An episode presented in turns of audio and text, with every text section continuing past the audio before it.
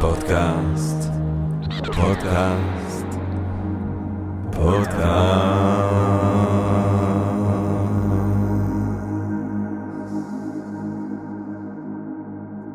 טוב, גבירותיי ורבותיי, ברוכות וברוכים הבאים לפודקאסט של Think and Read Different, פודקאסט למי שאוהב לחשוב ולשתות. אני ג'רמי פוגל ואנחנו רוצים להתחיל עם רגע של הודיה לעצם היש, לעצם המציאות הזאת שמאפשרת לנו למרות הכל ובהינתן כל אלה להיפגש כאן למען הרחבת הדעת, העמקת הידע, גירוי וסיפוק הסקרנות אולי, אולי רעיון נשגב, מעורר השראה ככה פתאום, סתם ככה, ביחד, בעברית, כיף גדול.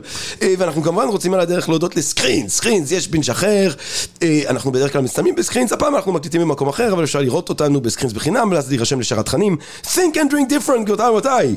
אה, עשר שנים של הרצאות, רטריטים, מיזם תרבותי ששינה את חיי הלילה, גבירותיי ורבותיי. בואו תשמעו אותנו, בואו תראו אותנו, בואו תפגשו אותנו, thinkdrink.co.il, הרצאות, רטריטים, כיף גדול. טוב. אמ, אנחנו, אתם יודעים, אני פעם, אה, וזה היה קצת חצי בצחוק מרוב הערצה לתרבות היוונית העתיקה שככה מלווה אותי, אה, שאמרתי שאולי הפתרון בסופו של דבר לסבך הזה, לבליל הזה של המצב שלנו כאן, אה, הוא לחשוב קצת על איך שהתרבות היוונית בעולם העתיק התקיימה בערי מדינה. אה, יש את אתונה וזה אתונה, ויש את ספרטה וזה ספרטה, ויש את מילטוס שזה מילטוס, ויש ערי מדינה, ויכול להיות שבאיזשהו אופן, מתישהו המרחב הזה שבו אנחנו מתקיימים, אולי זה יהיה רעיון טוב לעשות עיר מדינה תל אביב, אה, ויהיה לה את התרבות שלה, ויהיה לה את האופי שלה, ואת עיר מדינה ירושלים, ועיר אה, מדינה באר שבע, עיר מדינה אילת, עיר מדינה חיפה. כמובן אנחנו נצטרך לחשוב איך מחלקים את זה, עיר מדינה עזה, עיר מדינה אה, רמאללה, עיר מדינה אה, שכם, אה, וכמובן שיהיו קואליציות בין ערי המדינה, אבל אולי גם לטווח ארוך זה יאפשר לכל עיר מדינה להגדיר את עצמה, לחיות לפי האופי שמתאים לרוב האנשים שחיים בה, אולי זה ישחרר חלק מהמתחים של הניסיון לחיות יחד, אה, של מה שנקרא המלטינג פוט, של כור ההיתוך, כן, הניסיון המדהים הזה, כן, אפשר להגיד שזה לא ניסיון אפי של קיבוץ גלויות, להביא לפה אנשים מכל מיני מקומות, עם כל מיני דעות, עם כל מיני דרגות במדד של בין אה, דתיות לחילון, בין אמונה יוקדת לאתאיזם. ולראות איך אנחנו בעצם אה, הופכים ומייצרים אתוס אחד. עכשיו, אה, ניכר שאומנם הרעיון הזה פעם היה קצת מצחיק, אבל באמת מתחילים לשמוע יותר ויותר בהינתן המתח הגדול והסערות הציבוריות אה, בארץ, על האפשרות אה, של אולי באמת צריך להתחיל לחשוב אה, במובנים של פדרציה. האורח שלנו היום, שאנחנו מתחגשים ומתגאים לארח אותו, אה, בדיוק כתב ספר בעצם בנושא הזה, ויש לומר לזכותו שהוא כתב את הספר לפני שהנושא אה, הפך להיות כל כך אה, שזור בשיח הציבורי. דוקטור שגיא אלבז, גבירותיי ורבותיי, דוקטור שגיא אלבז הוא מרצה בחוג למדעי המדינה באוניברסיטת תל אביב. עושה תואר ראשון במדעי המדינה, תואר שני בתקשורת פוליטית, שזה תקשורת במדעי המדינה, גם באוניברסיטת תל אביב. הוא המשיך בעצם, אוי, תסלחו לי חברים. הוא המשיך לתואר שלישי במדעי המדינה, אה, ששם הוא חקר את ייצוג של ערכים וקבוצות אה, כוח בתקשורת הישראלית. הוא עשה פוסט דוקטורט גם באוניברסיטת תל אביב, אה, בבית ספר לחינוך אצל פרופסור דני ברטל, ששם הוא חקר תקשורת ופסיכולוגיה פוליטית. הוא כותב מאמרי דעה בהארץ, הוא עבד שנים רבות בעיתונות, הוא היה עורך בכיר בוויינט, Head of Content בזאפ, אחר כך הוא עבר גם לעסוק ב content בהייטק, הוא היה Head of Content content ב WebPals, הוא כיום אה, עצמאי ועם שותף מציע שירותי תוכן ועריכה במגוון רחב של נושאים אה, ותחומים. הספרים שלו הוא כתב אה, כחמישה בינתיים, בן אדם חרוץ, אי אפשר להגיד שאתה לא חרוץ, שגיא אלבז. אה, דעת מיעוט, הייצוג של האוכלוסייה הערבית אה, במרחב הציבורי אה, משתנה, שיצא בדיונון. נאמנות למקור ברסלינג, שזה בעצם מתבסס על הדוקטורט שלו, הדבר הזה גם יצא באנגלית. אה, אליטות אסטרטגיות בישראל, אה, חלוקת הכוח בחברה הישראלית שיצא בכרמל, ואז הספר החדש דנדש אה, שלו, שככה נפל כפרי בשל לתוך שיח צמא, יציאת חירום משבטיות לפדרציה, הדרך לריפוי החברה הישראלית. אנחנו בעצם היום הולכים לדבר סביב הנושאים שעולים מהספר על פדרל, ישראל פדרלית, על האפשרות של ישראל פדרלית, איך, מה זה אמור להיות, למה זה אמור להיות, איך זה אמור להיראות, אה, וכולי וכולי וכולי. דוקטור סגי אלבז, שלום רב. אהלן ג'רמי. טוב, אז אני קשקשתי את עצמי כרגיל אה, לדעת, בוא נחתוך ישר לווריד הצ- הצוואר, מהו משטר פדרלי? משטר פדרלי הוא בעצם אה, משטר שמאפשר אה, לייצר ביזור של כוח, כלומר אה, ניסיון להאציל אה, סמכויות שלטוניות וכוח מהממשל המרכזי לרובד שלטוני אזורי או לשלטון המקומי. יש הבדלים גם לגבי משטרים פדרליים, בעיקר במדינות המערב, המערביות המתקדמות, אבל הרעיון הוא בעצם לתת אה, אה, משקל יתר, ייצוג אה, לאוכלוסייה המקומית, בהתבסס על זה שאותה אוכלוסייה מקומית חולקת תפיסות עולם וערכים משותפים. אה, בוא תתאר לי את המהלך שמבחינתך בהיסטוריה הישראלית מובילה אה, אנשים חכמים, חוקרים כמוך, לחשוב על האפשרות הזאת, או אולי אפילו אה, לחשוב עליה כאל אה, סוג של פתרון למצבנו.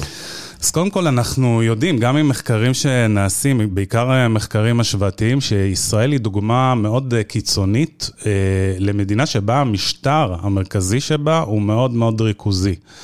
אה, כלומר, חלק גדול מקבלת ההחלטות במדינה בעצם אה, מתקבלות בממשלה.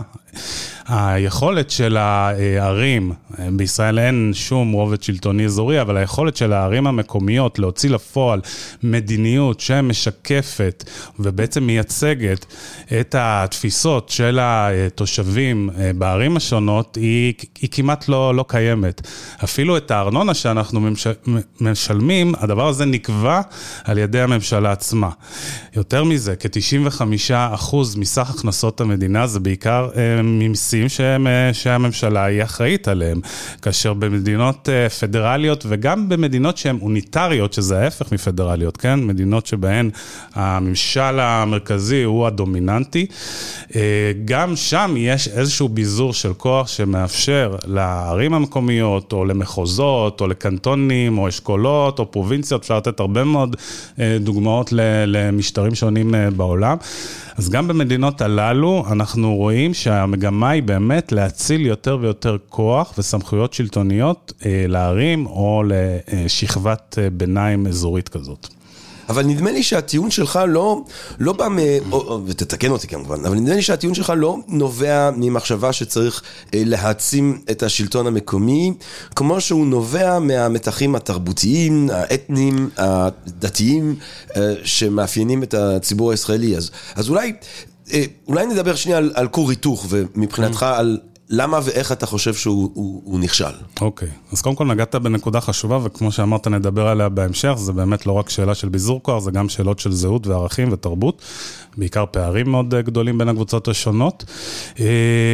שוב, לגבי המילה הזאת שנקראת, או המונח הזה שנקרא כור היתוך, אני מאלה שטוענים שכור היתוך למעשה אף פעם לא היה קיים כאן. אנחנו גדלנו על המושג של כור היתוך כסוג של מיתוס, אבל כשאנחנו מסתכלים להיסטוריה בעיניים, אנחנו יודעים שמי שבעצם הזדהה עם המונח כור היתוך, זה בעיקר הייתה הקבוצה ההגמונית ששלטה עם הקמת המדינה וגם בשנים שלאחריה, כלומר מפא"י, כן? מי שייצגה את תנועת הפועלים. בעיקר עולי במזרח אירופה וברית המועצות, הם אלה שבעצם ניסו לכונן כאן כור היתוך, שבמסגרתו היינו אמורים בעצם לברוס סוג של ישראלי חדש, אבל הישראלי הזה היה ישראלי מאוד מסוים לתפיסת הקבוצות האחרות שחיו כאן, שבאותה תקופה או באותם שנים לא היו דומיננטיות כמו היום. אז אני מדבר על הערבים ואני מדבר על הדתיים הלאומיים, החרדים וכמובן המזרחים, כלומר עולים בעיקר מארצות ערב ואפריקה, שהם אף פעם לא הרגישו שהם חלק מאותו כור היתוך, ולכן הטענה שלי היא שהיום אנחנו יכולים להגיד ככה בצורה שהיא מאוד נחרצת, שכור ההיתוך נכשל, אבל אני טוען שהוא למעשה לא היה קיים. זאת אומרת, אתה אומר מה שאנחנו חושבים עליו כאל מלטינג פוט, כאל כור היתוך בישראל, זה בעצם קבוצה חזקה, הגמונית, שמשליטה את התרבות שלה כנורמטיבית, ואומרת, זה הישראליות החדשה.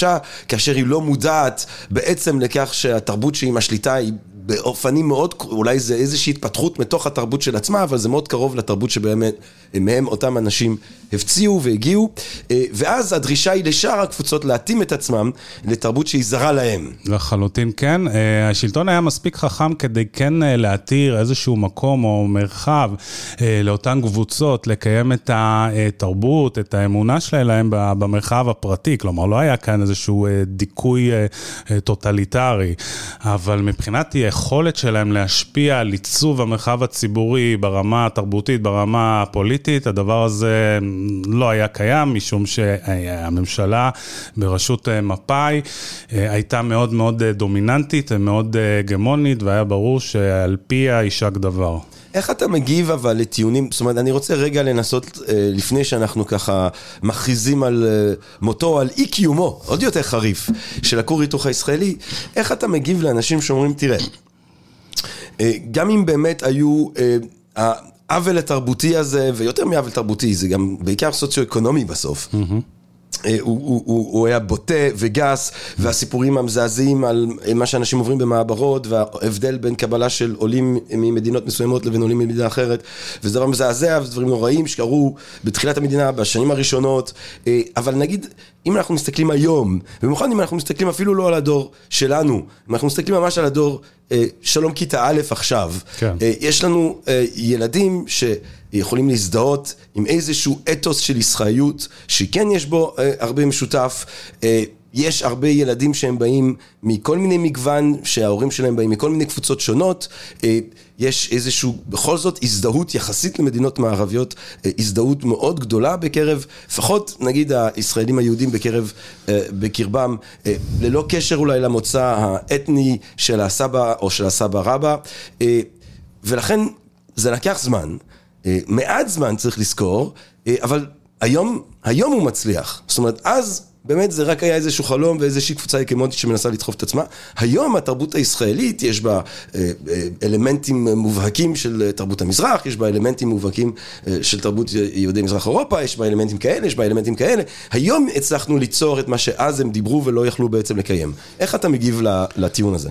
אה, אז קודם כל, מה שאתה אומר הוא נכון, אבל מה שנוצר בישראל זה בעצם ערב רב של תרבויות ולא רב תרבותיות, משום שהקבוצות השונות אה, לא מגלות אה, סבלנות ובטח לא אהדה לקבוצ... לתרבות של הקבוצות האחרות. והדבר הזה הולך ומקצין ככל שהקבוצות הלא ליברליות בחברה הופכות להיות אה, דומיננטיות, כלומר בעלות אה, כוח פוליטי מאוד משמעותי, כי בסוף יש קשר ישיר, קשר ניכר. בין הייצוג שלך בפוליטיקה, כלומר היכולת שלך למלא תפקידים ביצועיים שיש להם השפעה על הסדר הקיים, לבין היכולת שלך באמת להיות דומיננטי גם בשדות התרבותיים. ואנחנו מכירים את הטענות של חוסר ייצוג, העובדה שלא נותנים ביטוי או משקל לתרבות של קבוצה מסוימת, זה אגב בלט לפני 40 ו-50 שנה, כש... אז המזרחים בעיקר הרגישו שהם מקופחים או מודרים, כן, מה, מהשיח התרבותי, מהייצוג התרבותי, והיום לאט לאט אנחנו כבר מתחילים לשמוע קולות מן המחנה האחר, שמרגיש שגם הוא הם אומרים, אולי גנבו לי את המדינה, אולי גנבו לי את הנכסים שלי, את, ה, את המורשת התרבותית שלי, אבל זה פועל יוצא בסוף, וזה קצת דווקא מתקשר לספר הרביעי שלי, לא לספר החדש, שבסוף מי ששולט בכוח, כלומר בפוליטיקה, יש לו גם יתרונות מאוד אה, משמעותיים בשדות אחרים, כלכליים, תרבותיים וכן הלאה. ואתה חושב שמי ששולט בפוליטיקה, אה, בעיניך זה עדיין אותה קבוצה הגמונית, אה, צאצאי, אה, לא יודע אם להגיד התרבותיים או הפוליטיים של אה, מפא"י? אה, לא, לחלוטין לא, כבר יש הרי שיח של חילופי אליטות.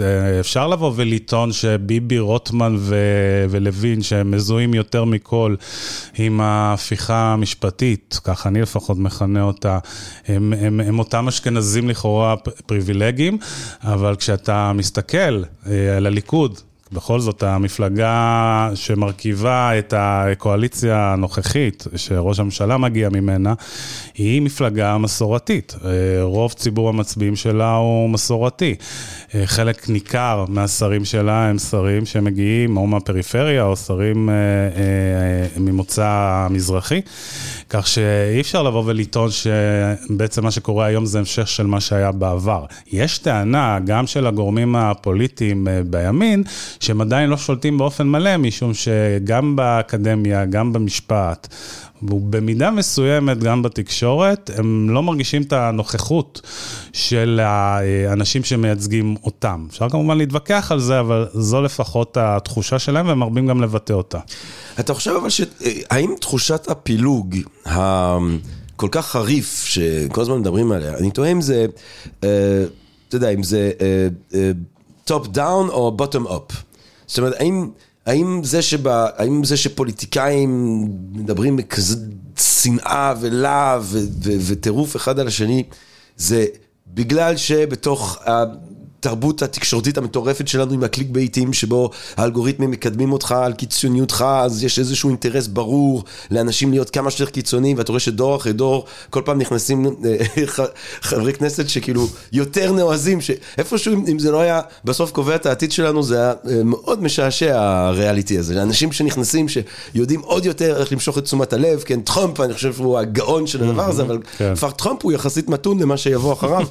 אה, האם זה לא בא מלמעלה למטה, אה, כי האם אתה אולי ברחוב, אה, בקהילות, אה, בחיי היום-יום, אנשים לא חיים בעצם בצורה הרבה יותר הרמונית ובסדר, למרות ההבדלים האתניים ואפילו הדתיים שיכולים להיות בהם, מאשר מה שמשתקף למעלה, או האם אתה חושב שזה באמת משקף מתחים שהם באים מהשטח? אז קודם כל, אני תמיד יוצא מתוך נקודת אה, מוצא אליטיסטית, לא כי אני מגדיר את עצמי כאליטיסט, אלא כי אני חושב שיש היגיון רב בגישה האליטיסטית שמדברת על זה שכשאתה שולט במבנה הכוח, כך גם יש לך יכולת להשפיע על אה, דעת הקהל. עכשיו, שוב, ביבי לא המציא אה, משהו חדש. אה, מן הסתם התפיסות והדעות של אה, חלק לפחות, לא, לא מבוטל, מהחברה הישראלית, הן, הן קיימות, הן, הן מושרשות, אבל מישהו צריך לתת להן ביטוי.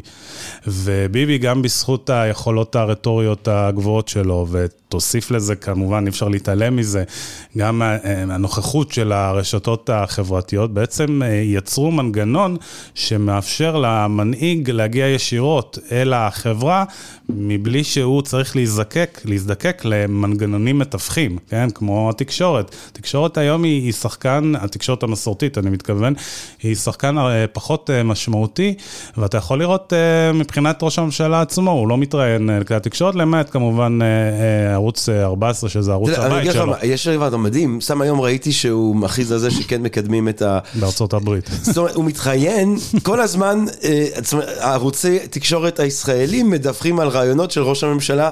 אה, באנגלית. נכון. שזה מדהים. נכון, נכון. ביבי באנגלית נשמע אחרת מביבי בעברית, כן. ולא במקרה, כי יש סיבות שבגינן הוא אה, כמובן רוצה לקבל לגיטימציה בינלאומית ל... אמ, גם למדיניות שלו, וכמובן למעמד שלו כראש ממשלה, העובדה שהוא עדיין לא קיבל הזמנה לבית הלבן. אוי אוי אוי אוי אוי, לא אוהב את זה, לא אוהב את זה. מעביר אותו על דעתו כמובן. אז אתה, אז, אבל, אבל אתה חושב ש... זאת אומרת, אתה אומר, אז לא הבנתי, מנקודת מבט, מבטה של הגישה האליטיסטית, כן. אה, זה אומר מה? זה אומר שכן מלמעלה יש, הפירוק הזה מגיע מלמעלה? אה, לחלוטין אה, כן. או, או, או שזה פירוק שם... שמגיע מלמעלה דרך זה שהוא קיים זה, זה מטה זה ועולה. זה ניצול, כן, של uh, הרבה מאוד כעסים ותסכול שקיים בקרב קבוצות רבות בחברה הישראלית, אבל מישהו צריך לתת להם ביטוי. זה לא שזה לא היה קיים אף פעם. אבל גם נתניהו, אנחנו, גם בספר, אני עושה הבחנה בין נתניהו המוקדם יותר, לבין נתניהו משנת 2015 זה קצת כמו ויטגנשטיין, יש את נתניהו המוקדם והמאוחר. כן, אז אה, אצל נתניהו זה מאוד מאוד אה, בולט, כי הוא באמת עשה shifting מאוד אה, משמעותי, גם לא רק בתפיסות שלו, בעיקר בגישה שלו. עכשיו, נכון, אפשר לייחס את זה גם לחקירות שנפתחו נגדו בסוף 2016, אבל הטענה שלי שהשינוי אצל נתניהו, גם אני מבטא את זה בספר, התחיל כבר ב-2015, כשהוא ניצח בבחירות. אה, בעצם לקראת הרכבת אה, ממשלתו השלישית אז, כן? הוא ניצח בפער שהסקרים אה, לא, לא חזו את הניצחון הבאמת מהדהד הזה שלו נגד המחנה הציוני בראשות הרצוג, שהיום הוא נשיא המדינה, וזה יצר אצלו תחושה של גדלות, של אני ואפסי עוד, של יהירות מאוד גדולה, שזה משהו תודלק על ידי חצר המקורבים שלו, והיו לו גם הרבה מאוד יועצים שאמרו לו, זה הזמן שלך להיצמד למה שמכונה היום הבייס שלך, הנה יש לך הזדמנות לעורר אותו, ודרך זה אה, לייצר אצלו נאמנות מאוד מאוד אה, חזקה. ואתה רואה את אותו בלוק שהולך איתו באש ובמים, גם כשהתחילו החקירות, ואחרי זה כשגם אה, הוגש כתב אישום נגדו, והוא ניצל את העובדה. שיש פה איזשהו סוג של תלות הדדית, ובמובן הזה, ביבי לא יצר אה, יש מאין, כלומר, הוא אה, בעצם ניצל את אותן אה, תחושות, מצוקות של הרבה מאוד קבוצות, שבעצם חיפשו איזשהו עוגן להיאחז בו, והם מצאו עוגן שלטוני דומיננטי בדמותו של ראש הממשלה.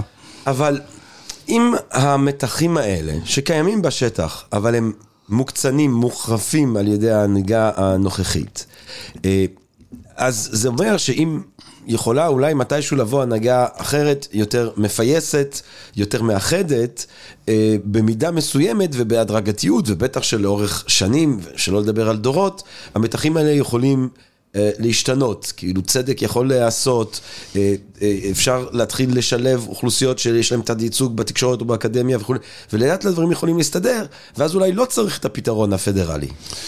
זאת אומרת, אם, אם הבעיה היא משבר פוליטי אקוטי נוכחי, שנובע מאיזשהו סוג של סערה מושלמת שכוללת אה, סוג מסוים של הנהגה וסוג מסוים של סיטואציה וכו', אבל, אבל אז אפשר אולי לנסות לעבור את המשבר הזה ולשמור על, ה, על, ה, על המבנה הקיים.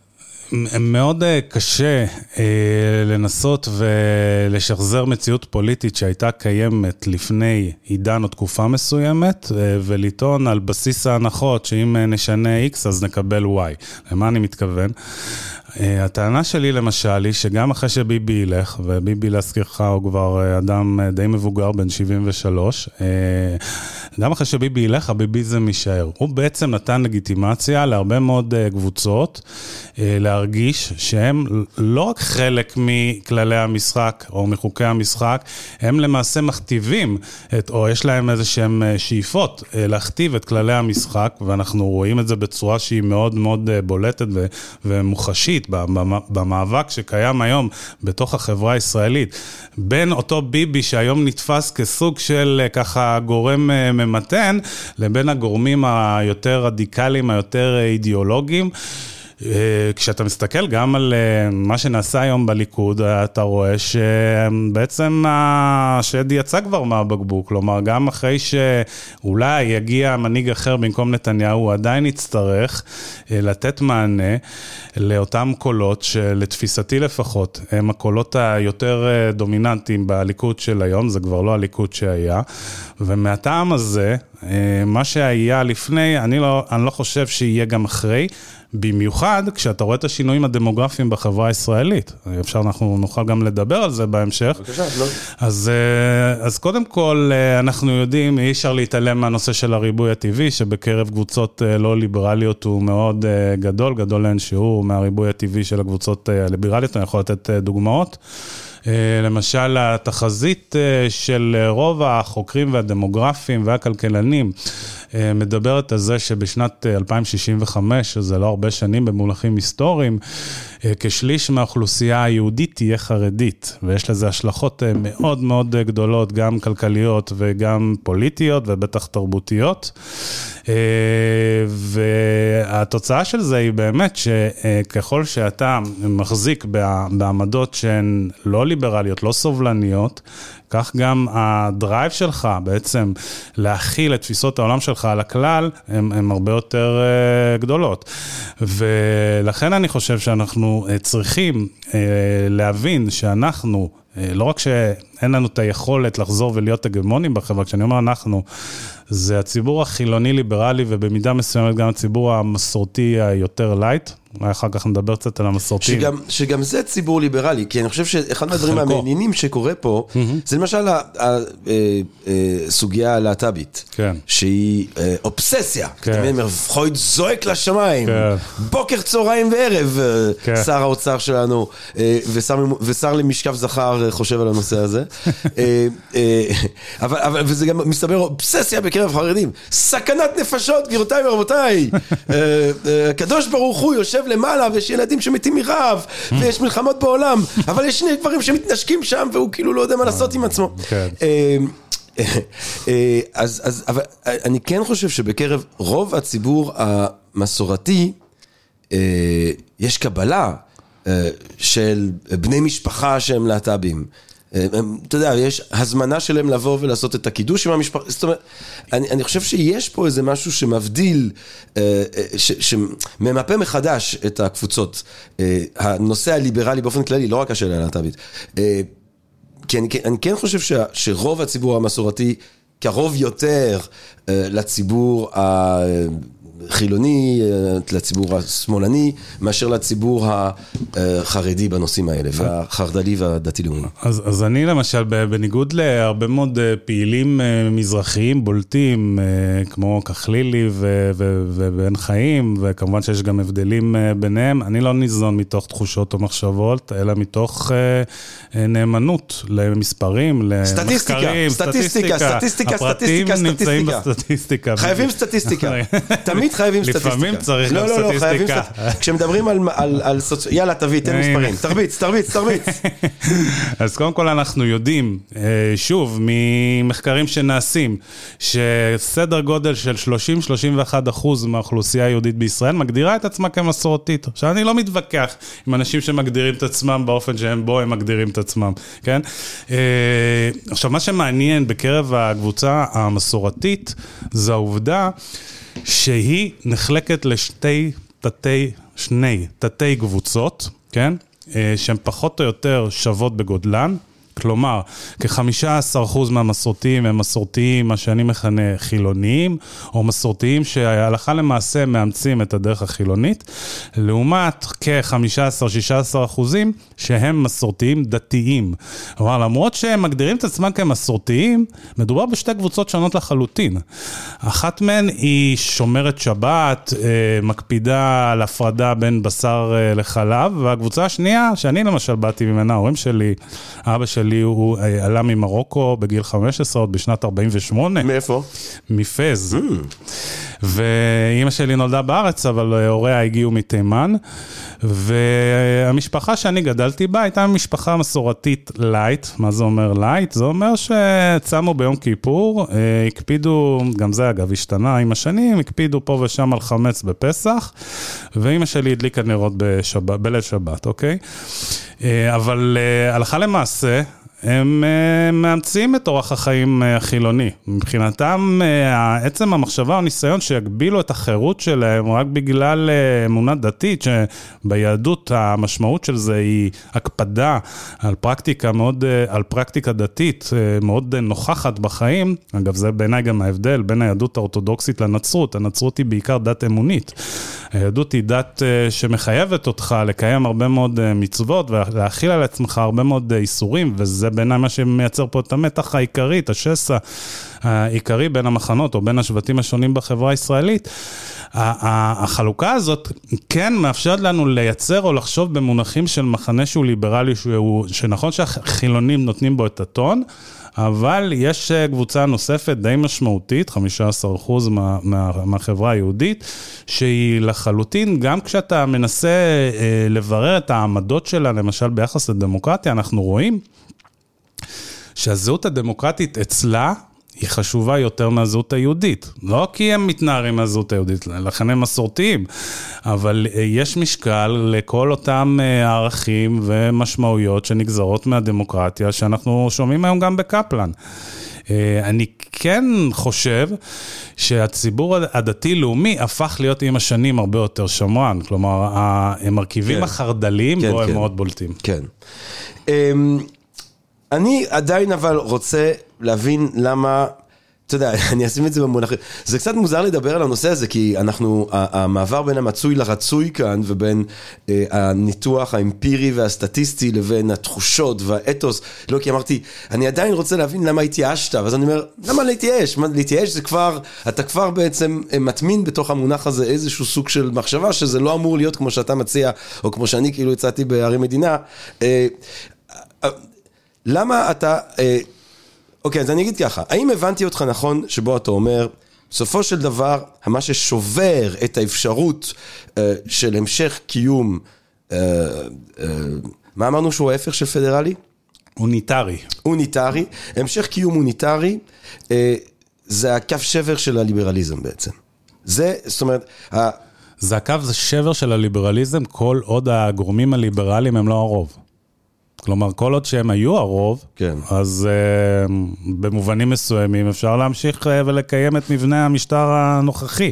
כן. גם זה בעייתי, כי הקבוצות האחרות uh, קוראות תיגר, בדיוק כמו שקורה היום ההפך, שהגורמים כן. הליברליים קוראים תיגר על מה שנעשה במסגרת המדיניות הממשלתית הכוללת. זאת אומרת, אתה אומר ש... אז במובן הזה, הכישלון של ה... כור היתוך או הגילוי של היעדרו מלכתחילה, כן. הוא לא בקו שבר האשכנזי-מזרחי, הוא לא בקו שבר אה, אפילו, אפילו אה, דתי-חילוני, הוא בקו שבר הליברלי-אנטי-ליברלי. אז אמרתי שבתוך המחנה הליברלי אי אפשר להתעלם מהעובדה שהחילונים הם רוב דומיננטי, אבל uh, אני חושב שיש עדיין קבוצה משמעותית נוספת, שרגע uh, הגדרתי אותה, אותם מסורתיים חילונים, שגם הם ברגע המבחן, או אם הם יצטרכו לקבל החלטה באיזה ישראל הם רוצים לחיות, ישראל ליברלית דמוקרטית, או ישראל שמרנית ותורנית, הם יבחרו באופציה הראשונה, אין, אין בזה ספק בכלל. Uh, ואני לחלוטין לא מדבר על... להם מצב או מציאות נפשית של ייאוש. אה, להפך, אני מסתכל למציאות בעיניים ומנסה לחשוב איך אנחנו יכולים להמשיך ולחיות כאן כחברה. כלומר, מי שמיואש, מחליט או לקחת את הרגליים וללכת מפה, גם זה לצערי כבר מתחיל אה, לקרות, אמנם עדיין לא במספרים אה, גדולים, אבל אנחנו שומעים על יותר ויותר גם אנשים פרטיים וגם חברות שמחליטות להשקיע, לעקור מכאן ולהשקיע בחו"ל. אה, אני, אני כן אה, חושב שיש מקום לכולם להמשיך לחיות כאן, ולכן אה, המודל שלי לא נועד לתת איזשהו מזור לליברלים אולי, או לחילונים היום שמרגישים ככה קצת נדחקים לפינה, אלא לכולם. גם למי שתופס את עצמו כ, כאדון הארץ, כן? יהיה לי יותר קשה לשכנע אותו, אבל אני חושב שהמודל הזה בסוף יכול לשרת את כל הקבוצות. ולתת לכולם את התחושה שהם אה, למעשה יכולים אה, לקיים שלטון שייתן להם מענה לכל הערכים ולכל הצרכים והמאוויים שלהם. איך נראה המודל הזה? אז בואו בוא נבין בעצם על מה מדובר. ישראל הפדרלית דוקטור סגי אלבז, אתה כאילו כמו סולון. כן.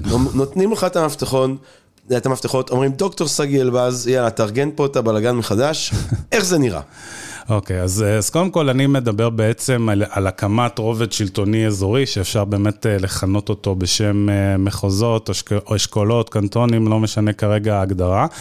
כאשר המחוזות האלו יהיו מבוססים אה, על אה, מאפיינים אה, אידיאולוגיים שמשקפים, פחות או יותר, את רוב התושבים שחיים בכל מחוז, על בסיס חלוקה של חילוני ליברלי, דתי לאומי, חרדי, ויש גם את המיעוט הערבי, שאולי נדבר עליו uh, בהמשך. עכשיו שוב, אין כאן קריאה לפירוק המדינה. אני עוד נחשב יחסית לגורם די ממתן. יש היום הרבה מאוד קבוצות והתארגנויות שקמו, בעיקר, לא רוצה לייחס את זה רק לספר, אבל אה, שקמו גם כתוצאה ממה שמתרחש בארץ, מהקיטוב שקיים בתוך כן. החברה הישראלית, ומנסים באמת למצוא פתרונות שהם פדרליים, הם לא תמיד מגדירים את זה במילה פדרלית. אני יודע שהפורום החילוני אה, מדבר במובנים כאלה. אתה, אה, באיזה התארגנות אתה, זה לא ציינתי במבוא. כן. תראה. גם אליי פנו, גם בעיקר אנשי אקדמיה, בניסיון באמת אה, לגבש אה, עוד מודל שהוא הרבה יותר מפורט מהמודל שמוצג אה, בספר, מתוך ההבנה שבסוף אנשים שואלים אותך שאלות, טוב, איך זה יעבוד בפועל, כן? כן. אולי מבחינה תרבותית וחינוכית יותר קל לקיים אוטונומיה, אפילו מבלי שאתה צריך לקבל את ההסכמה או את ההיתר של הצד השני, כי אתה פשוט ברמת השטח... הלכה ומעשה, כן. כן. קובע בסוף, בסוף זה מנהל ו... מורים בבית ספר, וכן. כן, ויש את פרויקט נעים בסופש, שמאפשר תחבורה ציבורית אה, בשבת, לא רק בתל אביב, אלא לעוד אה, ערים כן. שסמוכות לתל אביב, ויש רישום של זוגות אה, שהתחתנו לא במסגרת הרבנות, בעיריות, יש את זה בתל אביב, יש את זה בכפר סבא, יש את זה בגבעתיים, כלומר, זה מאפשר להם לקבל כל מיני הטבות, הם בעצם מוכרים כסוג של זוגות, למרות שכמובן מבחינת המדינה אין לזה משמעות. כלומר, נעשים דברים בשטח. הקושי הקושי הוא באמת לייצר את האוטונומיה הזאת ברמה הכלכלית ואולי גם קצת ברמה המשפטית. אה, אני, שוב, אני, אני נמצא בקשר באמת עם, נדבר על זה בהמשך, של הרבה מאוד גורמים, פוליטיקאים לשעבר, אנשי אקדמיה מאוד אה, בכירים, שבימים אלה יושבים וחלקם אה, מנסים באמת לנסח מודל. אה, פדרליים, כל מיני, אתה יודע, ניואנסים, תמיד יש את השאלה, רגע, אז יהיה לזה רצף גיאוגרפי? הרי ישראל היא מדינה שיש בה הרבה מאוד קבוצות שחיות אחת בתוך השנייה, כן. או שיהיה לזה איזה סוג של אה, אה, לא רצף גיאוגרפי, אלא קשר אידיאולוגי מנהלי כזה, כלומר, עיר מסוימת, אני אתן דוגמה, אוקיי? כן. נגיד בקנטון או במחוז... לא, חייבים מילה עברית, אי אפשר... מחוז. מחוז, כן. אני, אני גם בספר, אני לא, אי אפשר, אי אפשר קנטון. מחוז. כן, אני כן. משתמש במילים הללו, אתה צודק. מחוז. מחוז. אה, אז במחוז אה, גוש דן, שנקרא לו מחוז... תל אביב. חילוני, תל אביב רבתי כזה, אוקיי? תל אביב, חייב תל אביב. מחוז תל אביב in the house. תל אביב היא המרכז. בטח. אבל תל אביב גם קשורה, גם גיאוגרפית. תל אביב היא המרכז של היקום, לא רק של המחוז. מסכים איתך, כמו תל אביב. אז בתוך מחוז שתל אביב היא המרכז שלו, הבירה שלו, יש את אה, בני ברק, שהיא עיר חרדית לכל דבר, ואז אתה שואל את עצמך, רגע, יש עיר חרדית בתוך מחוז... אז היא תהיה משויכת למחוז ירושלים. יפה, והיא גם תוכל להמשיך לנהל אוטונומיה, אי של אוטונומיה בתוך אוטונומיה, כלומר לקב... לקיים חיים הלכתיים. מלאים, לא כמו שקיים היום, כלומר תהיה לה את הלגיטימציה להחליט שהילדים לא לומדים ליבה, כי כך הם רוצים, ולא אני ולא אתה נוכל לשכנע אותם אה, אחרת. אני לא רוצה להיות פטרון של אף אחד, כמו שאני לא רוצה שהם יחנכו אותי. אבל נגיד המיסוי יהיה משותף? זה יפה, שאלה מצוינת. תראה, במדינות פדרליות יש אה, חלוקה שונה של, אה, של המיסים בין מה שמגיע לממשל המרכזי לבין מה שמגיע לממשל המקומי. למשל, בשוויץ, שבנויה מ-26 קנטונים, גודל האוכלוסייה בשוויץ פחות או יותר די דומה לגודל האוכלוסייה בישראל. רוב המיסוי מגיע חזרה לרווחת תושבי המחוז. חלק מצומצם יחסית מגיע לממשל הפדרלי, אבל שם יש תרבות פוליטית אחרת, תרבות פוליטית של סבלנות ותרבות פוליטית שמאפשרת לכל קהילה לנהל את חייה. כן.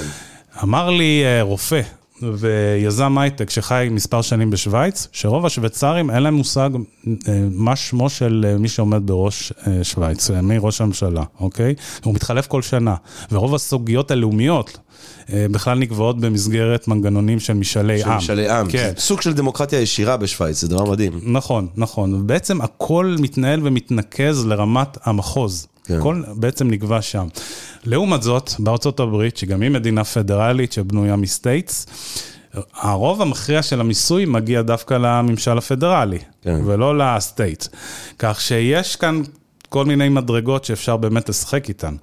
עכשיו, אני טוען שאם אנחנו רוצים עדיין להישאר חברה אחת, אה, שיש בה מידה מסוימת של סולידריות, אתה לא יכול להתנער מצרכים גם של קבוצות אחרות, אבל המתכון שקיים כיום, שבעצם כל המיסים שאנחנו משלמים מתנקזים לממשל המרכזי, והוא מחליט משיקולים פוליטיים צרים, כן, ונאמנות לקבוצות uh, קיצוניות, להמשיך לממן מפעלים תורניים, מפעלים התנחלותיים, שמה לעשות, אנחנו לא שותפים להם, הוא אה, מצב בלתי נסבל שצריך לשנות אותו. אז שוב, אני לא אה, מגדיר את עצמי לפחות כאדם רדיקל שקורא אה, לפרק את המדינה הזאת לשתי מדינות, ישראל ויהודה, אלא לנסות לייצר מנגנונים שיאפשרו מצד אחד עצמאות לתושבים בערים או במחוזות מסוימים, לצד שמירה על אה, המנגנון הלאומי, כן? כלומר, תהיה כאן בעצם סוג של לאומיות רכה יותר, לא לאומיות נוקשה וריכוזית. אבל,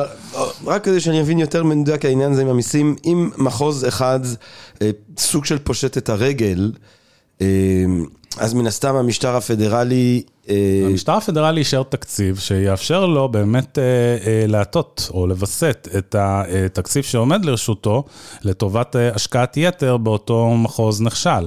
כן. ושוב, צריך גם לנתח ולהבין למה המחוז הזה נכשל. האם הוא נכשל מבחירה, כמו שקורה ב...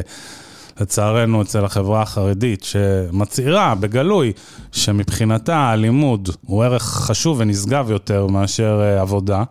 אה, אפילו, אתה יודע, בשידוכים בתוך החברה הזאת, אני גם קצת מכיר את זה מהמשפחה, אה, שידוך טוב לאישה נחשב לכזה... עילוי. כן, עילוי בתורה. כלומר, היא מראש יודעת או מוסללת למציאות שבה היא צריכה גם לעבוד וגם לגדל את הילדים. נכון. להיות אישה חרדית זה דבר לא פשוט. נכון. אתה יודע, זה ממש אנקדוטה, אבל אתה יודע שהאישה החרדית היא האישה היחידה, לדעתי, לא רק בישראל, אלא גם בעולם, שחיה בממוצע פחות שנים מהגבר.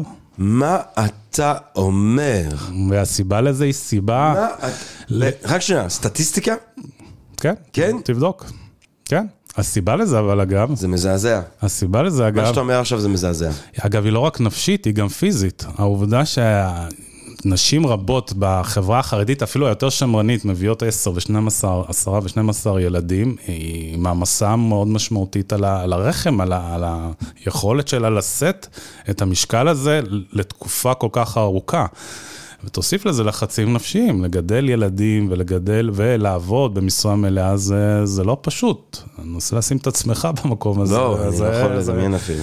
כן, אז, אז כן, אבל, אבל שוב, אני אומר בסוף, בסוף ככל שהם יחיו חיים יותר עצמאיים ויקחו אחריות על גורלם, גם במובנים הכלכליים יותר, הם, הם, אה, אה, השינוי גם אה, יתחיל אצלם, ואתה יכול לראות את ההבדלים בין חברות חרדיות בארצות הברית. אני לא חוזר מה... אתה רואה? סטטיסטיקה. אמרנו סטטיסטיקות.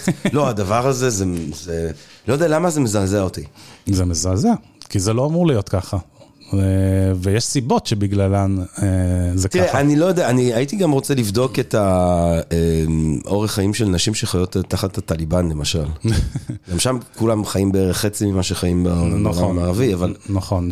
מעניין אותי לראות גם בערב סעודית, נגיד, מה המספרים. במקומות שבהם יש דיכוי וגם מן הסתם רמת החיים היא נמוכה, אז כן, אז תוחלת החיים יורדת, זה נכון. למרות שגם הגברים הטליבנים יש להם נטייה ככה לצאת להרפתקאות שמסיים את, ההרפת... את הסיפור מוקדם, אבל... וואי, כן. נורא, לא עלינו. טוב, טוב, כן עלינו, אני לא רוצה, אתה גם לא רוצה להיות שיפוטי, שאנשים יחיו כן, לפי איך נכון. שהם רוצים, אבל בכל זאת...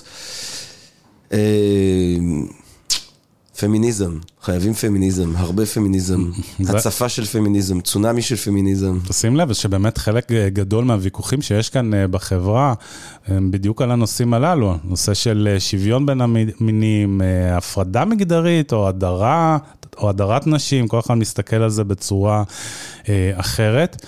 אני זוכר שלא מזמן, כשהתראיינתי אצל קרן נויבך ברשת ב', אז אמרתי לה, במסגרת משטר פדרלי, הקבוצה החרדית תוכל להקפיד על אי שוויון ועל הפרדה מגדרית. לא כי אני תומך בזה, אני אמשיך לבקר את צורת החיים הזאת, אבל אני לא אוכל לחנך אותם. כשקבוצה בעצם מבוססת או בנויה על תשתית אמונית כל כך יוקדת, אתה לא תצליח לשכנע אותם מבחוץ להתנהג אחרת, גם לא בכפייה. יש פה שאלה כזאת גם. כן. זה שאנחנו עדיין חלק מאיזושהי מדינה אוניטרית, כן מובילה למצב שיש עוד יכולת שיח והשפעה הדדית, שאולי איכשהו עוד משמרת איזונים. אם אני מדמיין מצב, ואני מניח שהקהל הקדוש מקרב האוכלוסייה החרדית מדמיין מצב שבו תל אביב הופכת להיות מחוז תל אביב, ואנחנו פה כאילו באיזה מסיד... באקסטרה ביום שלישי בבוקר, על סמים ביום רביעי בלילה, במסיבות uh, גאווה uh, שנתיות חסרות הרב, uh, ומטיילים אבודים ביום כיפור שיכורים, מחפשים איפה האפטר פארטי של, ה... של סוף. אבל, אבל אם, אם אנחנו משחררים uh, את, ה, uh, את היחד הזה, אז יש להניח שלפחות בחלק מהמחוזות יהיו, תהיה הקצנה uh, מעין טליבנית. Uh, שלא יהיה שום שיג ושיח עם איזשהו אחר זהה קרוב, uh, ואז בעצם יהיה, יהיה פירוק. זאת אומרת, זה, אפשר להגיד שהפתרון שלך רק uh, יגביר את המהירות שבה המשטר הפדרלי הזה יתפרק לחלוטין.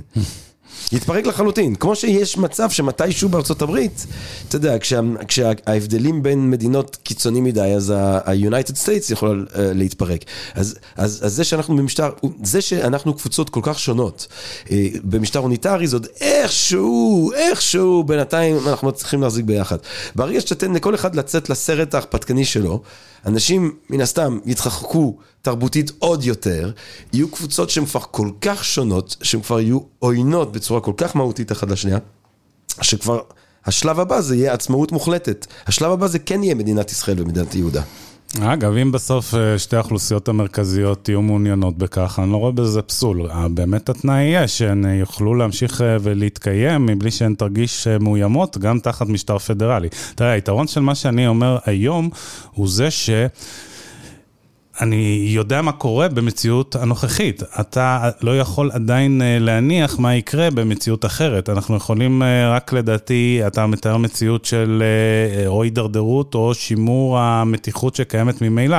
לא, הקצנה, הקצנה של המתיחות. אתה מדבר אפילו על הקצנה. אז אני מחזיר אותך לתקופה היסטורית ככה כמעט מתמול שלשום. אנחנו נדבר על תקופת הקורונה, כן? כשאז בסופו של דבר ראינו, כשיש איזושהי מתח או איזושהי סתירה בין חוקי המדינה לבין הפסיקות של הרבנים, הם אה, בסוף אה, נאמנים או מקשיב, הציבור החרדי ברובו נאמן ומקשיב לפסיקות הרבנים, זה בא לידי ביטוי אה, מבחינת ההחלטה שלהם להמשיך וללמוד ולהפר את, את הצווים של משרד הבריאות, אפשר להתווכח אם הצווים האלה היו נכונים או לא, אני לא נכנס לשאלה הזאת, אבל בכל זאת זה מה שהמדינה כמדינה החליטה, והם בסופו של דבר החליטו להמשיך ולקיים את אורח החיים התורני שלהם, ואפילו לא לקחו בחשבון נושאים שעלולים לסכן אותם, כי מבחינתם ערך הלימוד הוא חשוב כמעט כמו החיים עצמם. אה, ותסתכל מה קרה גם באפריל וגם במאי 21, האסונות שהיו במירון ולאחר מכן בגבעת זאב, אם אני לא טועה, כאשר אה, שוב, הרצון שלהם בסוף בסוף אה, לקיים. את הפרקטיקה הדתית הוא, הוא חזק מכל דבר אחר. השיתוף פעולה או היחסים שהיום קיימים בין הקבוצות בתוך החברה הישראלית, הם, אה, הם, הם, הם קיימים משום שיש איזשהו צורך אה, על בסיס אה, קיומי, בריאותי, תשתיתי, להמשיך ולחיות ביחד, וגם תחת ממשל או, או משטר פדרלי, לא יהיו גבולות, לא יהיו גדרות, אנחנו עדיין נוכל להמשיך ולהתקיים כחברה אחת. העניין הוא... שאתה מאפשר לכל אה, מחוז, לטעמי זה צריך להיות מעוגן בחוקה מקומית, כי אין שום סיכוי שתהיה כאן חוקה לכולם, אי אפשר להגיע להסכמה, זה בדיוק חלק מה, מהבעיה. ואני מתווכח איתה עם הרבה מאוד אה, חילונים, שעדיין נאחזים בתפיסה שאם נפריד את הדת מהמדינה, או אם תהיה כאן חוקה בהסכמה, אז נוכל להמשיך אה, לחיות כחברה אחת. אני אומר, לא, אנחנו נוכל לחיות כחברה אחת, עם כל קבוצה, כל קהילה, תרגיש שהיא יכולה לקיים את חייה באופן מלא, על פי תפיסות העולם שלה. אבל אנחנו לא נחיה בהפרדה, אנחנו נמשיך ונקיים אה, שיתופי אה, פעולה שבסוף יועילו לכל הצדדים, כן? ברמה הבריאותית, ברמה התשתיתית, ברמה של משק המים, של החשמל, של כל הדברים האלה. ולא דיברנו על זה, אבל גם תחת ממשל פדרלי, בסוף חלק לא מבוטל מהסמכויות נשארות בידיו. נושאים שקשורים לחוץ וביטחון, ביטחון פנים, שזה דבר שחשוב לכולם, שהוא לא מבדיל בין חרדים לבין אה, אה, חילונים. ולכן אני חושב ש... בהתבסס על, על המצב שהגענו אליו היום, שבוא, בינינו, החברה הישראלית היא, היא, היא מפורקת, היא, היא באמת מפורקת. היא מפורקת. מפורקת. זה מה שאתה אומר. כן, השאלה אם באמת אנחנו, אה, אני טוען שעדיין לא הגענו לשיא, שאנחנו לא הגענו עדיין לסיפה של מלחמת אזרחים, אבל אני חושב שאנחנו לא, לא רחוקים משם. ו... כן, אנחנו צריכים באמת אה, לראות מה הממשלה הנוכחית תחליט לעשות. אה, לא רק לגבי החוקים שקשורים למהפכה המשטרית, אלא לגבי הרבה מאוד אה, חוקים שרוצים אה, להעביר כאן, שכמובן ייטיבו עם קבוצות מסוימות בתוך החברה הישראלית. מבחינה גיאוגרפית, כן. זאת אומרת, ברור שבני ברק צריכה להיות משויכת לירושלים. אבל נגיד אילת, כן. נלך למקרה קיצוני, כאילו אה. מבחינה גיאוגרפית, הכי קיצוני שאפשר, אילת או מטולה, אבל נגיד אילת. כן. אז אילת היא מה? היא מחוז משלה? היא בוחרת אם היא משויכת רעיונית למחוז תל אביב או למחוז ירושלים? כאילו, כי, כי, כי, זאת אומרת, כמה מחוזות, אם המחוזות הם לא גיאוגרפיים, mm-hmm. מבחינה רעיונית, כמה מחוזות אתה צריך בעצם? אז שוב, אז אני גם אה, בספר שלי מציין ש... כשאתה רוצה לשבת ולכתוב את המודל המפורט והמדויק שמסרטט את החלוקה הפנימית, הגיאוגרפית אה, והדמוגרפית אה, בתוך שטחי מדינת ישראל, אני מדבר על השטחים שאני לא כולל בתוכם את מה שמחוץ לקו הירוק כרגע, אה, אנחנו צריכים לשבת עם, כן, גיאוגרפים פוליטיים, עם דמוגרפים, ובאמת לבחון את היחס שיש בכל אזור גיאוגרפי, ולהבין אם יש כאן אפשרות לרצף גיאוגרפי, או אנחנו באמת צריכים לייצר או מובלעות. כלומר, לתת את התחושה לאנשים שגם אם הם חיים כ...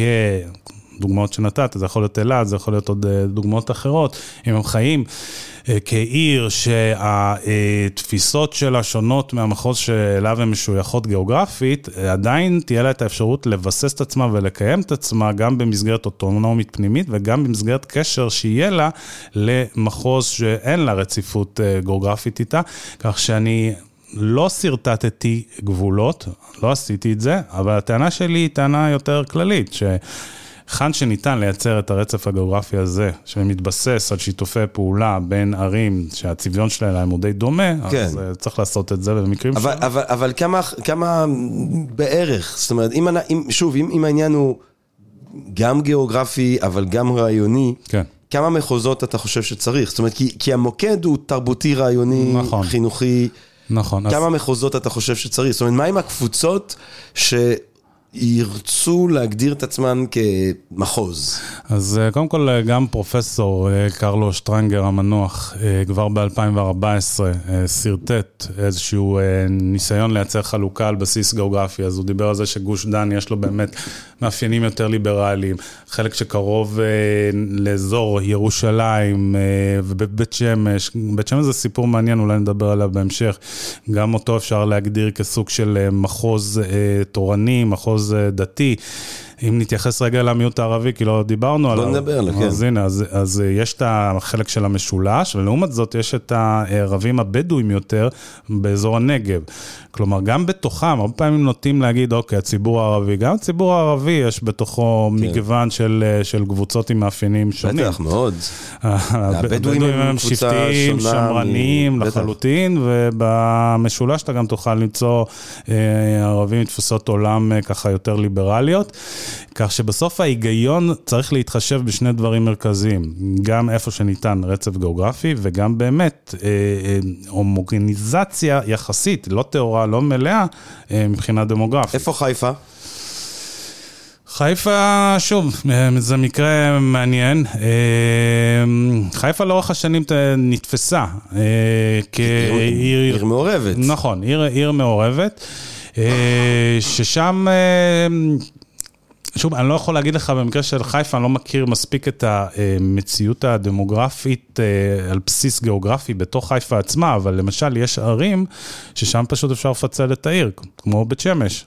אתה יודע מי אה, הגה את הרעיון של פיצול בית שמש לעיר חילונית ולעיר דתית חרדית?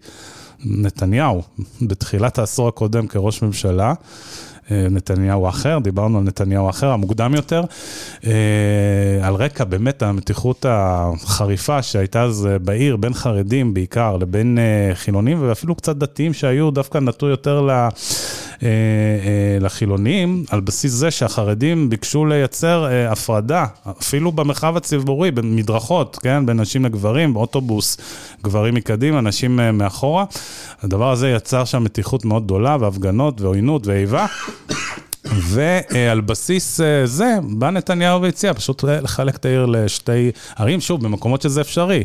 כן, יש אה, שכונות שהן רובן חילוניות, שנמצאות באזור אחד של העיר, ויש שכונות... הקושי העיקרי, אתה נתת כרגע את חיפה כדוגמה דווקא לעיר שיש בה ערבים ויהודים. ואפשר לתת כדוגמה את אה, רמלה ואת יפו ואת לוד כמובן, כן, כן. אבל בעיניי גם פה אפשר אגב לייצר מפתח שהוא מבוסס לא על רקע אתני, ואני מציין את זה בספר, זו נקודה חשובה. הרעיון הפדרלי מדבר על אה, יצירת השתייכות של קהילות, לא על בסיס אתני, אלא על בסיס אידיאולוגי, ולכן מבחינתי אין שום אה, בעיה שערבים ויהודים ימשיכו לחיות יחד, אם בתפיסת העולם שלהם הם אה, אוחזים בעמדות או בהשקפות עולם שהן יותר ליברליות. זאת אומרת, אתה אומר, זה לא שיהיה מחוז... אה, בהכרח מחוז ערבי, אלא שערביי ישראל השתייכו לפי העדפתם האידיאולוגית למחוז הליברלי או ה... שמרני דתי. נכון, ואם יש אזורים שבהם אה, מרוכזים בעיקר כפרים, והם מרגישים באמת הרבה יותר נוח לקיים את אורח החיים היותר שמרני שלהם, כן? במסגרת הכפרים שבהם הם חיים, ובמשולש יש רצף כזה, אז אה, לחלוטין אפשר לייצר אה, מחוז ש, שבו הם יוכלו לבטא ולממש את אורח החיים שלהם בצורה שהיא יותר מלאה גם ברמה התרבותית. שבאמת ירגישו שלתרבות יש מקום במרחב הציבורי שבו הם חיים. מה עם ה... אתה יודע, אני...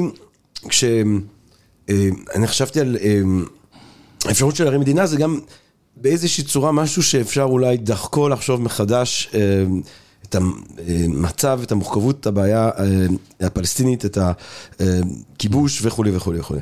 כן. מה קורה באמת אבל בשטחים? במצב כזה? אז קודם כל, יש תנועות אגב, אה, שמכנות את עצמן פדרציה לישראל, שבעצם הפתרון שלהם לוקח בחשבון גם את המציאות הפוליטית והדמוגרפית ביהודה ושומרון. כלומר, מדברים על ניסיון לייצר פדרציה שתכלול הם לפעמים גם מתבלבלים בין פדרציה לבין קונפדרציה, כן? זה שני מושגים שונים. קונפדרציה זה בעצם אה, איחוד או שיתוף פעולה של שתי מדינות עצמאיות. זה לא מה שאנחנו מדברים עליו במסגרת הפתרון בתוך ישראל. אבל יש מי שמדבר על אה, פדרציה או קונפדרציה, כשהם לוקחים בחשבון גם את אה, מה שקורה אה, מבחינה פוליטית ב, ב, בשטחים הכבושים או ביהודה ושומרון. אה, אני, למשל, לא מאלה שסבורים או חושבים שאני יכול לדבר בשם הפלסטינים. כלומר, אם הפלסטינים יבואו ויגידו שהם אה, מצדדים אה, אני מצדד בקונפדרציה עם הפלסטינים, לא בפדרציה. אני לא רוצה לייצר פה עוד ערב רב של עוד תרבויות שלפחות נכון לעכשיו עוינות זו את זו, אלא אה, לנסות ולהגדיר שאם יש להם מדינה, אבל זו מדינה באמת שלא יכולה לקיים את עצמה, בואו נהיה רגע ריאליים. גם בגלל המציאות של המתנחלים שחיים שם, אבל גם בכלל זו מדינה מאוד קטנה. אנחנו צריכים לייצר איזושהי קונפדרציה, אולי אפילו יחד עם ירדן, אה, על מנת לאפשר איזשהם חיים משותפים. העניין הוא שזה לא משנה אם זה משטר פדרלי או משטר אה, אוניטרי. המציאות הפוליטית שקיימת היום בישראל היא כזאת, שאין שום רוב, לא לשלום, אלא אפילו לדיאלוג עם הצד אה, השני. כלומר, בסוף... המשטר הפדרלי, או הממשל המרכזי במסגרת משטר פדרלי, הוא זה שאמור אה, לקבל את ההחלטות אה, שנוגעות לשאלות של חוץ וביטחון ומדיניות. אני כן אבל חושב שבמסגרת אה, משטר פדרלי, לפחות המחוזות הליברליים יותר בתוך ישראל, יוכלו לקיים סוג של דיאלוג עם קבוצות רבות בחברה הפלסטינית, ובאמצעות הדיאלוג הזה, אולי לנסות לשכך את המתח הלאומי שקיים בין שתי החברות. זה לא יפתור את הבעיה, אבל זה יכול לייצר תנאים טובים יותר לפתרון אה, מדיני אולי בהמשך. מה אתה חושב הם המורכבויות והבעיות העיקריות של המודל שאתה בעצמך מציע? אז קודם כל, כמו שאמרתי, זה מודל מאוד אה, מורכב, מאוד קשה אה, ליישם אותו בגלל המציאות הדמוגרפית אה, הסבוכה. אבל אני חושב שאם אה, אנחנו נשב וגם נקיים דיאלוג, כלומר, אני אמרתי את זה, לצד דברים שאפשר לקבוע בשטח, כן חשוב לפחות בשאלות שקשורות לחלוקת אה, מיסוי או תקצוב. אה, שונה ממה שיש היום, אתה חייב את ההסכמה ואת ההבנה של הצד השני, זה לא יכול להיעשות בצורה שהיא חד צדדית, ולכן אתה כן תלוי ברצונם הטוב של הקבוצות האחרות. אני יכול להגיד לך משהו שאולי יפתיע אותך, או אולי גם יעודד אותך ואחרים. וזו העובדה שכחלק מההתארגנויות והיוזמות שיש אה, היום אה, לגבי השאלה של היום שאחרי, כן? המחאה הנוכחית היא עסוקה בלהדוף את מה שקורה עכשיו, אבל צריך גם להסתכל מה קורה הלאה. חלק מאותן יוזמות והתארגנויות כוללות גם חרדים. כלומר, גם חרדים מבינים את המשמעות של. המתח והקיטוב. גם חרדים יש להם מנטליות שונה מהחרדלים, וחרדלים זה סיפור אחר, הם מבחינתי הבעיה היותר קשה לפיצוח. חרדים, אני חושב שאם אתה מגיע איתם להסכמה, אה, ושיכולה לשכנע אותם שתועיל ותשרת גם אותם, ניתן uh, בהחלט uh, להגיע לסוג של הבנה, גם החרדים הם תמיד גורם שאם אתה מצליח לשכנע את הרב, אתה מצליח לשכנע את הקהילה. כן. ולכן הם גם במנטליות שלהם, לחלקם, לא לכולם, uh, אין, אין רצון כרגע להיות השליט, כן? יכול להיות שגם זה ישתנה כשהריבוי הטבעי שם ילך ויכפיל וישלש את עצמו, אבל אני מדבר על המציאות כרגע. זאת אומרת שאתה אומר שהציבור החרדי יהיה יותר פתוח למחשבה של משטר פדרלי מאשר הציבור החרד"לי. כן, ואני אומר את זה גם על בסיס אה, אה, שיח והרבה מאוד אה, יוזמות ופורומים שהייתי שותף להם, שחרדים הם חלק מהם, כן, בהחלט. והציבור החרד"לי, אה, חשוב לו יותר לשמר את. המודל האוניטרי. הציבור החרד"לי הוא ציבור שבאמת אה, ניזון מתפיסות עולם, לא רק דתיות, אלא גם לאומניות אה, מאוד אה, קיצוניות, מאוד יוקדות. והוא, לא סתם מכנים אותו ציבור משיחי עוד יותר דווקא מהציבור החרדי, משום שהוא חי בתחושה של איזושהי שליחות שמבוססת על... תחושה אחרת של עליונות אה, יהודית, והרצון בעצם להכיל את תפיסת העולם שלהם על הכלל, היא מאוד אה, נוכחת גם בשיח שלהם. אתה יכול לשמוע את אה, סמוטריץ' מדבר על שאיפתו שתהיה כאן מדינת הלכה, לא מסתיר את זה. בטח שהוא רוצה, בטח. העניין הוא שהציבור הדתי-לאומי... זה אחד הפרדוקסים הכי גדולים שיש כאן, משני מובנים. אחד, מספרית, הציבור הדתי-לאומי הוא סדר גודל של 14 אחוז, יש שם גל גדול מאוד של יציאה בשאלה בקרב הציבור הזה.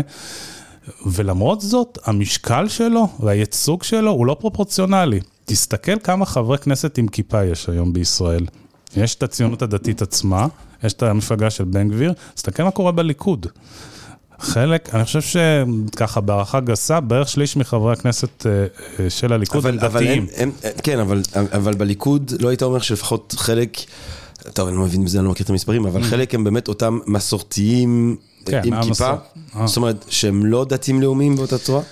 שלא, כאילו, כי אם אנחנו חוזרים למה שאמרנו בהתחלה, אז יש הרי גם מתח מאוד גדול. היסטורית ותרבותית עד לימינו בין מסורתיות אה, מזרחית לבין אה, דתיות לאומית אשכנזית. נכון, אה, ובנוסף, וגם דיברנו על זה בהתחלה, העובדה שאנחנו בעצם, רוב החברה היהודית נמצאת על רצף, כך שבמובנים רבים, גם אם אתה מגדיר את עצמך מסורתי, אבל אתה מסורתי דתי, אתה הרבה יותר קרוב לדתי הלאומי מבחינת התפיסות שלך, מבחינת אורח החיים שלך, למסורתי החילוני יותר, כן? יש גם חילוקי דעות נוספים, ודיברת על זה עכשיו. חילוקי דעות שמתבססים על אה, נושאים שהם יותר חד-דתיים ולא דתיים, כן? כלומר, אין כאן איזושהי חפיפה ככה היא אדוקה וברורה, יש כאן הסתעפויות של כל מיני קבוצות ותתי קבוצות. אה, אתה, אתה רוצה, אתה דוקטור שגיא אלבז. כן. בוא נהיה פה, בוא נחתוך פה שוב. נחתוך, אחרי שחתכנו בווריד הצוואר, נחתוך מבתוך וריד הצוואר לווריד הצוואר. אתה, אתה, אתה באמת רוצה שהדבר הזה יקרה? זה מה שאתה מאחל לעצמך, למשפחתך, לצאצאיך, ל... כן, אני באמת מאמין וחושב שזו הדרך היחידה שלנו להמשיך ולהתקיים כאן כחברה אחת, ולא כאוסף של שבטים שעוינים זה לזה. עכשיו, היתרון שלי על פני מי שחושב אחרת, זה שאני תמיד בא ומאמת אותו עם המציאות הקיימת, או עם השאלה... אתה מכיר את המספרים. מכיר את המספרים. סטטיסטיקה. ואני גם שואל מה, על בסיס מה שקורה היום, מה יקרה עוד 10 או 15 שנה? האם באמת החילונים, הליברלים, יצליחו לכונן כאן אה, משטר או ממשלה שמייצגת את הערכים הליברליים? תראה, אני, אני אגיד לך אה, כזה דבר. דמוגרפיה היא לא בהכרח דטרמיניסטית.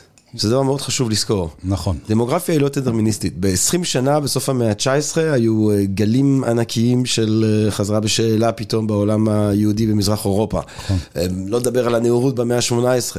שלא לדבר על תהליכי מודרניזציה במרוקו, או, נכון. במקומות, או בעיראק, או במקומות אחרים בעולם. נכון. זאת אומרת, דברים אנחנו יודעים מההיסטוריה ש, שדברים יכולים להשתנות מהר. נכון. אנחנו יודעים גם מההיסטוריה ש... שאני גם חושב שההתעוררות ה... של סוג השיח שאתה אה, שותף בו היום, היא גם התעוררות של איזשהו מאבק רעיוני, שעוד מוקדם לומר לאן הוא מוביל אותנו וכולי. זה, זה כמו שהיסוד המשיחי קיבל... בוסט, או איזה זריקת סטרואידים עם כיבוש ירושלים ב-67, או שחרור ירושלים, ופתאום מגיע לירושלים, וזה מעלה איזה מניה משיחית קצת וכו'. דברים יכולים להשתנות וחיים יכולים לנוע.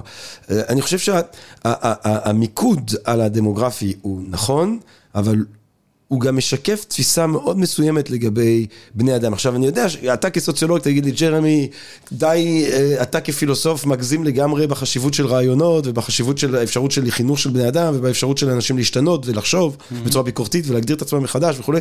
בסוף, סוציולוגית, רוב האנשים שיוצאים ממשפחות כאלה הם כאלה, ורוב האנשים... יכול להיות, אבל גם יכול, אבל, אבל ההיסטוריה מראה לנו שלפעמים יש רגעים של גמישות, אז אני לא יודע. אבל אני חושב, וזה עיקר הטיעון שלי, שמשטר פדרלי ייטיב עם כולם, כך שגם אם באמת התחזיות הדמוגרפיות ישתנו, או שהן לא יצליחו לאמת את עצמן, ויכול מאוד להיות, אני נוטה להסכים איתך, אנחנו לא יכולים באמת לדעת מה יהיה, אבל אני חושב שהיתרון של הרעיון הפדרלי, שהוא בעצם מתחשב בכל הקבוצות, ללא קשר לגודלן, כלומר, הן יכולות לבטא את אה, מערך האמונות והתפיסות ואורח החיים שלהם במסגרת אה, משטר פדרלי הרבה יותר מאשר תחת אה, משטר שהוא ריכוזי, משטר שנתון ללחצים של קבוצות ציר בפוליטיקה הישראלית, ואני לא רוצה שצד זה ירגיש מקופח והצד אחר ירגיש מקופח, כי כמו שאמרת, ההיסטוריה לפעמים היא, היא אבולוציונית, היא, היא לא סטטית. עד לפני 50-60 שנה הצד אחר של המפה הרגיש שהוא חי ככה תחת מגננה או בהדרה, והיום הצד השני מרגיש את אותו דבר, כך ש... זה לא, זה לא פתרון שנתון אה, לתחזית כזו או אחרת, אלא זה פתרון שהוא לטעמי לפחות אה, נכון בכל מציאות דמוגרפית. דוקטור שגיא אלבז. מה אני אגיד לך? מעניין מאוד. מעניין מאוד מאוד. אה, הספר שבו אתם תוכלו לקחו יותר על הרעיונות ככה מעוררי המחשבה אה, של דוקטור שגיא אלבז הוא אה, יציאת חירום משבטיות לפדרציה, הדרך לריפוי החברה הישראלית שיצא אה, השנה אה, בכנרת. אתה יודע, אני לא רוצה להיות ציני מדי, אבל מה זה עשו לך קמפיין לספר?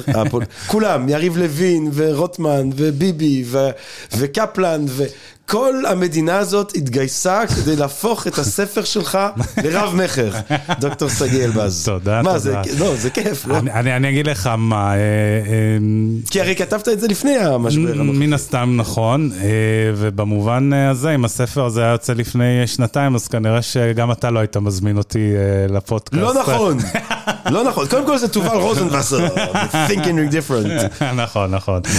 שדואג לאורחים. אני כמובן מקצין ומגזים, כן. אבל... אבל אה, הוא לא היה מקבל את התעודה שהוא קיבל, ולשמחתי זה באמת יצא בתקופה נהדרת. טוב, אה, תודה רבה לך, דוקטור. תראה, אז אתה יודע מה, אולי נזמין אותך שוב כשנחיה במשטר פדרלי. יאללה. וגם אם לא. תודה רבה לך, תודה, שגיא. תודה רבה, ג'רמי, היה לי לעונג, תודה. ותודה רבה לכם, לקהל הקדוש שלנו כאן בפודקאסט של Think and Different, מקווה מאוד שנהנתם מהפרק הזה, שתהנו מהפחקים שבעזרת השם נמשיך ונקליט. ומה אני אגיד לכם, רק בריאות, רק חשיבה ביקורתית על המצב הפוליטי, כי המצב הפוליטי הוא לא נתון, וכמו שבני אדם, מה שבני אדם מייצרים אפשר לשנות, ואולי לפעמים אפשר לשנות לטובה, ואני חושב שהספר של שגיא הוא הזדמנות לחשוב על איך אנחנו משנים לטובה. אה, רק אהבה רבה, רק בריאות, זי גזונט, תהיו בריאים, אה, נשתמע, אה, ולהתחאות. פודקאסט, פודקאסט, פודקאסט.